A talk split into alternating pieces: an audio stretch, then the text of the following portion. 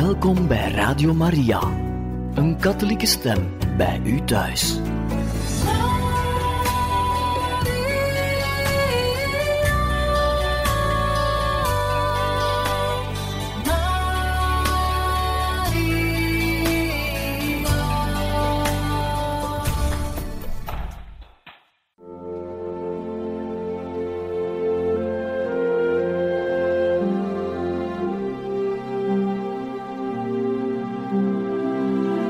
Beste luisteraars van Radio Maria, welkom bij het programma Catechismus. Een overweging bij de geloofschat van de kerk.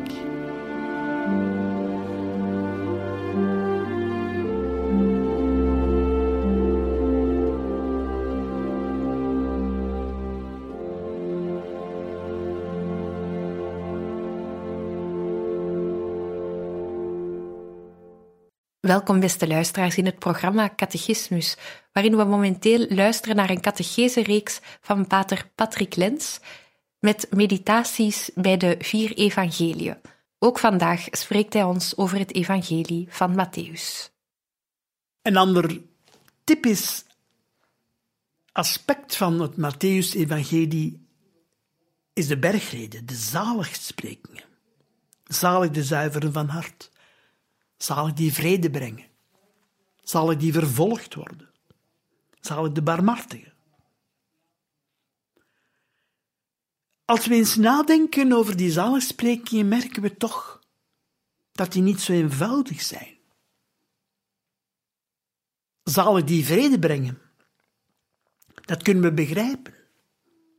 Deze mensen worden door God gelukkig geprezen. Maar tegelijkertijd is vrede brengen niet zo gemakkelijk. Zalig de armen van geest, dat is misschien toch al moeilijker te begrijpen. Arm van geest, wat is dat? Is dat niet misschien een beetje te eenvoudig zijn in deze wereld? Ben je dan nog zalig? Zalig de barmhartige, dat kunnen we dan wel beter begrijpen, maar we weten natuurlijk ook dat als je barmhartigheid bewijst aan anderen, dat het niet per se zo is dat je zelf barmhartigheid zult ontvangen. En soms zijn de zaligsprekingen gezien geweest als een soort utopie. Of als een soort ethische regel. Wanneer alle mensen nu eens zo zouden leven zou de wereld beter zijn. Maar we weten dat dat tot dusver nooit helemaal zo gebeurd is. En dan kun je je afvragen, wat heeft het dan zin, die bergreden of die zaligsprekingen te lezen? Werkt dat eigenlijk wel? Is dat niet iets voor supermensen? Of misschien mensen die heel erg geëngageerd zijn. De zaligsprekingen gaan zeker veel verder dan het morele leven. Want eigenlijk bevatten ze eisen die boven de gewone norm liggen. Je kan je afvragen of je, om als een goed mens beschouwd te kunnen worden, jezelf aan een vervolging moet blootstellen, arm zijn of voortdurend moet hongeren en dorsten naar gerechtigheid. Dat je je moet blootstellen aan vervolging is niet verplicht. Ook niet in het evangelie. Je moet dat niet zoeken. Arm zijn is niet per definitie even zalig. Armoede kan mensen brengen tot wanhoop. Voortdurend hongeren en dorsten naar de gerechtigheid is iets heel anders wanneer je opkomt voor anderen dan wanneer je zelf slachtoffer bent van honger en vervolging. Wie wil er nu voor arm van geest gehouden worden? Of wie wil er zuiver van hart zijn? Is dat niet al te naïef? Is het wel mogelijk? Men heeft van de zaligsprekingen een soort utopische en zelfs ideologische lezing gemaakt. Maar de kracht van de christen is niet de ideologie of de utopie, maar God zelf. En wat bedoelt Jezus? Wanneer je ziet dat mensen rondom hem verzameld zijn, gaat hij de berg op en gaat mensen onderrichten. En gaat hij als het ware een soort tegen-successtory prediken. Natuurlijk verwachten de mensen de Messias, de genezing, het stillen van de honger, het bevrijd worden van het kwaad. En Jezus heeft dat ook zo gedaan. Maar hij zegt ook de andere kant van het verhaal. Als je mij moet volgen en wil volgen, dat is uw keuze. Weet dat het niet altijd gemakkelijk is. Dat het soms zelfs keihard is. Maar er is een passie die je van binnenuit draagt en op weg zet om Jezus te volgen. De zaligsprekingen zijn eigenlijk alleen maar te verstaan vanuit de praktijk van de navolging. Waarom doe je dat? Dat geldt niet alleen voor priesters en religieuzen, maar dat kan ook voor andere christenen zo zijn. De zaligsprekingen zijn voor iedereen. De navolging is bedoeld voor elke christen. En dan kan het wel eens zijn dat je confrontatie op je tocht ondervindt. En in Jezus' tijd was dat zeer concreet. En hij zegt zeer duidelijk: als jullie mij willen volgen, weet dan dat je bereid moet zijn het lot te delen van een rondtrekkende predikant zonder dak boven zijn hoofd. En waarom doe je nu zoiets? Je moet goed gek zijn. Als je Jezus volgt, dan krijg je reputatie. Petrus heeft dat ondervonden in het paleis van de hoge priester, terwijl Jezus veroordeeld ging worden. Zalig de armen, misschien word je wel geminacht of uitgestoten door je familie. Dus je kunt eigenlijk ook die zaligspreking lezen op een heel, ik zou zeggen, niet negatieve manier, maar heel confronterende manier. Christenen mochten niet meer in synagoge komen op een zeker moment. Ze konden niet meer rekenen op de solidariteit van hun volk. Ze verloren ook iets van hun diepste spiritualiteit, het leven volgens de wet. Maar bekijk het eens anders. Zaligheid is een woord dat te maken heeft met gelukkig zijn. Het is een zaligheid om Jezus te volgen. Niet zozeer omdat het altijd gemakkelijk is. Maar waarom blijf je volharden, ook al is het moeilijk? Omdat er ergens een geluk in steekt. Dat je maar pas leert kennen als je de navolging in praktijk brengt. De zaligheid ligt in het navolgen zelf is een enorme vreugde die soms naar de achtergrond verdwijnt, maar die ook kan terugkomen. En dat is het wezen van de zaligspreken. Het is boek verschenen van de Franse priester Jacques Philippe, die ook in het Nederlands vertaald. En hij noemt de zaligsprekingen het geluk waar je het niet verwacht. Jezus heeft het vertrouwen op de Vader letterlijk toegepast. Als mens, wetend dat er vervolging was, dat ze niet altijd gemakkelijk te eten vonden of soms buiten moesten slapen. Maar het was wel de vreugde die hem en zijn leerlingen gaande hielden. De zaligsprekingen zeggen ons: voor minder dan de vreugde doe je het niet. De enige echte reden die mensen tot navolging brengt, is de vreugde. En zoals ik al zegde, die verdwijnt soms naar de achtergrond, maar ze komt soms ook op heel onverwachte manier terug naar boven.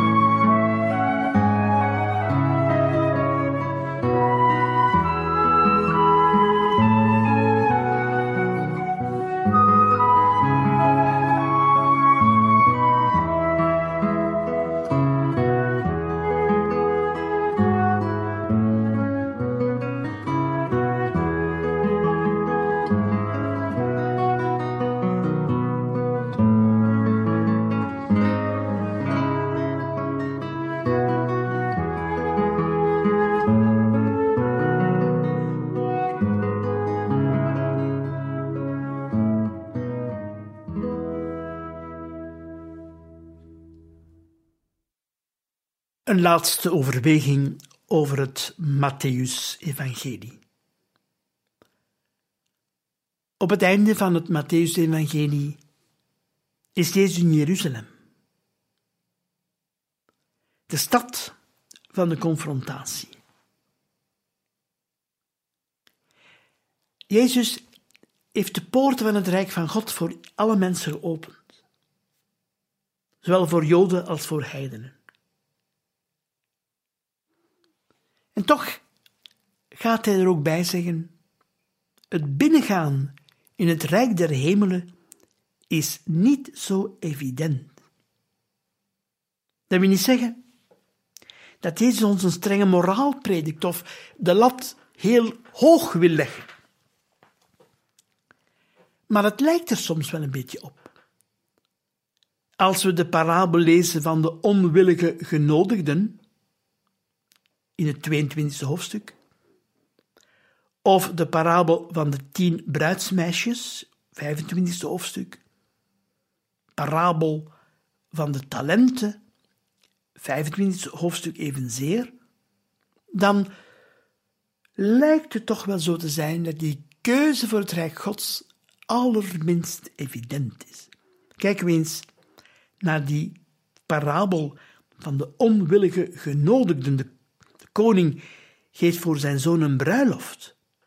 Maar de, de genodigden willen niet komen. Ze hebben zowel drogredenen als echte redenen. Merkwaardig hoe mensen onverschillig zijn om te komen naar een feest. Een feest dat ook een heel sterke sociale impact had bij een Joodse bruiloft.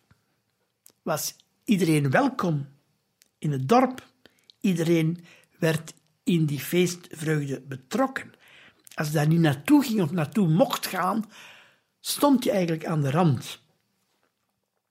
Maar hier komt er een soort onverschilligheid. Wij zien dat ook in die parabel van de bruidsmeisjes, die klaarstaan om met hun lampen de bruidegom tegemoet te gaan. En dat was een ceremonieel, een mooie dans. Eigenlijk voor een jong meisje wel een heel belangrijk hoogtepunt om in die bruidstoet te mogen meelopen.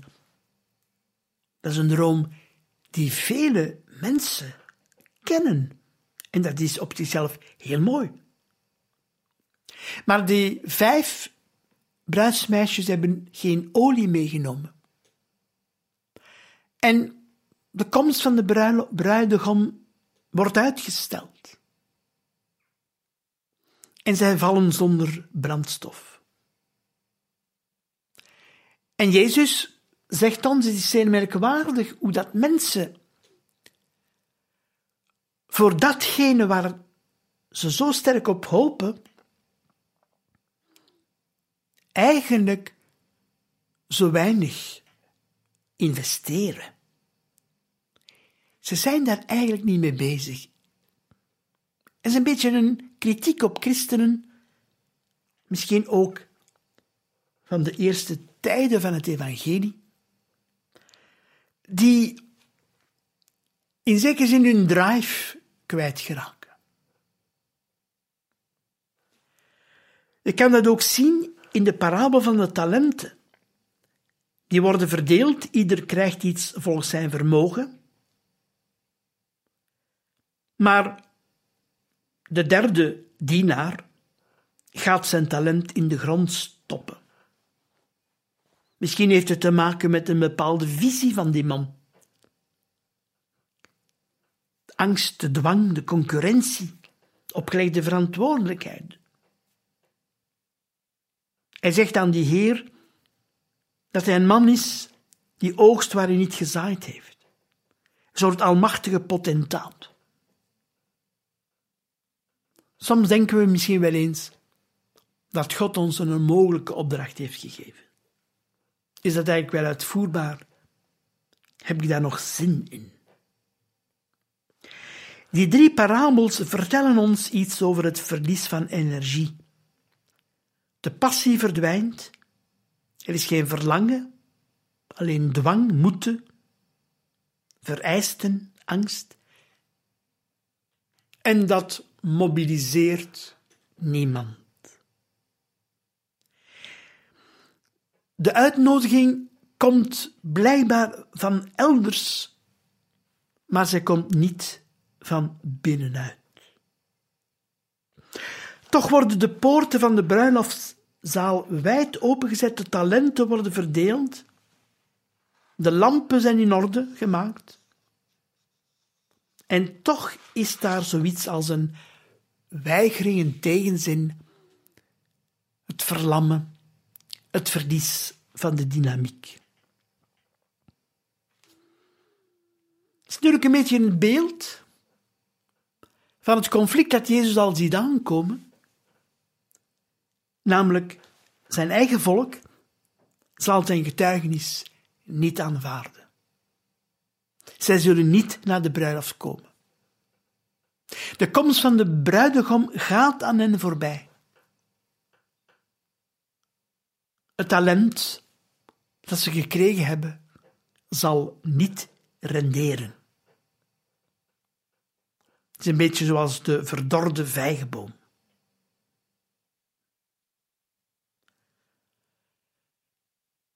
We kunnen ook voor onszelf de vraag stellen hoe het gesteld is met onze dynamiek. Het is ook zeer merkwaardig dat in deze parabels nog een andere beweging naar boven komt. De onwillige genodigden worden vervangen door andere mensen. Het zullen de heidenen zijn die de kerk zullen vullen. Maar de man die niet in bruiloftskledij is, wordt buitengeworpen. De vijf domme bruidsmeisjes vinden de deur op slot. Geheel tegen de gewoonte in van de Joodse bruiloft, want daar stond het huis gedurende de periode van de bruiloft helemaal open, dag en nacht, om zo te zeggen.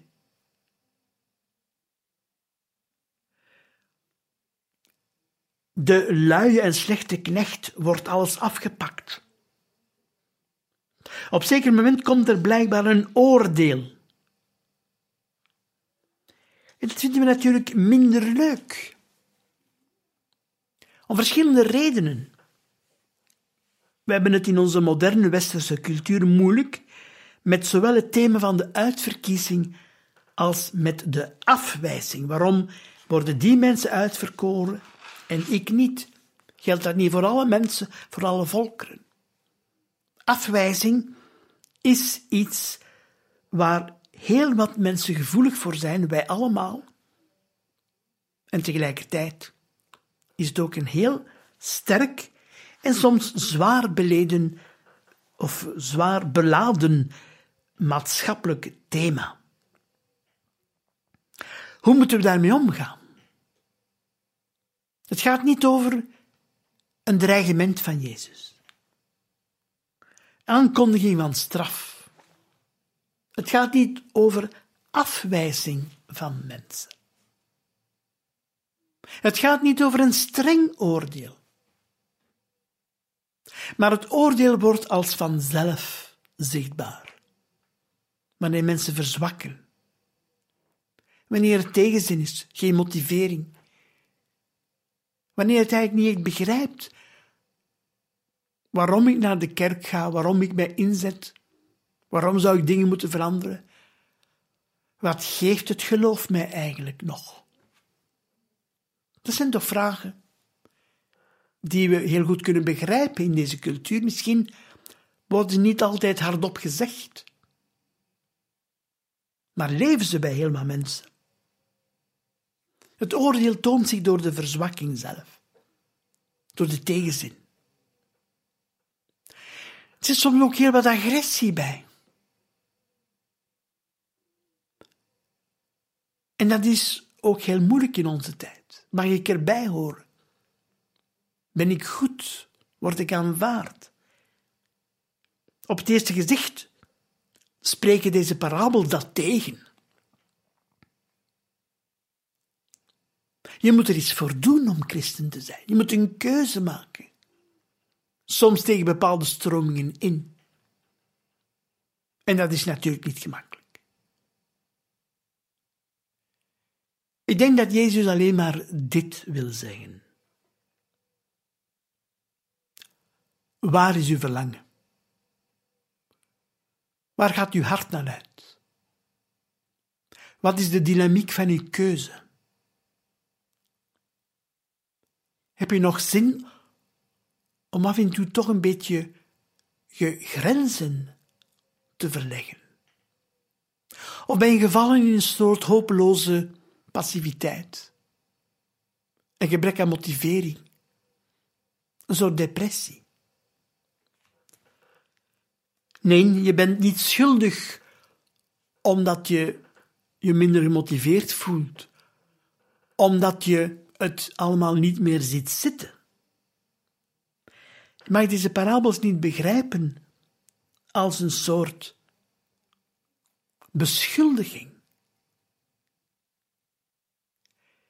Wel zullen we ons moeten bevragen over de realiteit, ook het realisme van onze keuze, en of achter onze keuze nog voldoende verlangen steekt. Geeft het geloof mij vreugde? Is het geloof iets van mijn hart?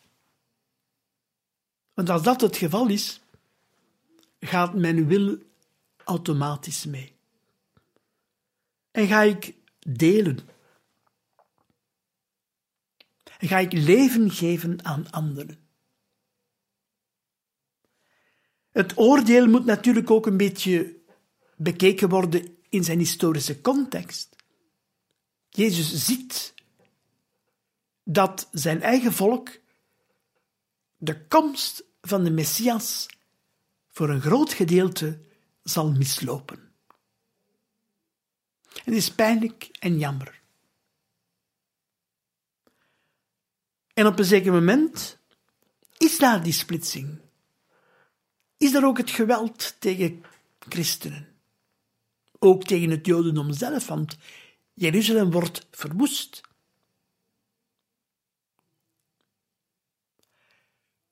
Dingen die gebeuren zijn meestal het gevolg van keuzen die we heel vroeg reeds hebben gedaan.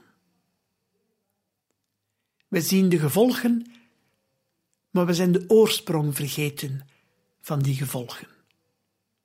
En misschien is het daartoe, tot die reflectie, die tamelijk strenge parabels van het Matthäus-evangelie, ons willen uitnodigen.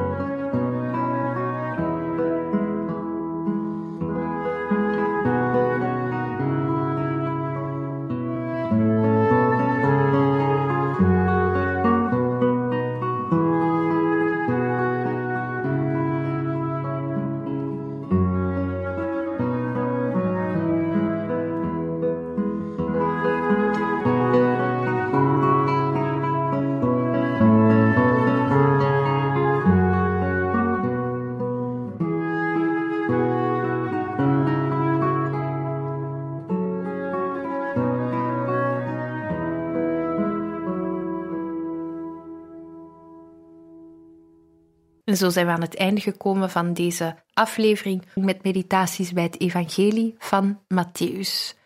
U kan deze en andere afleveringen altijd herbeluisteren op onze website radiomaria.be. Wij wensen u nog een mooie dag toe.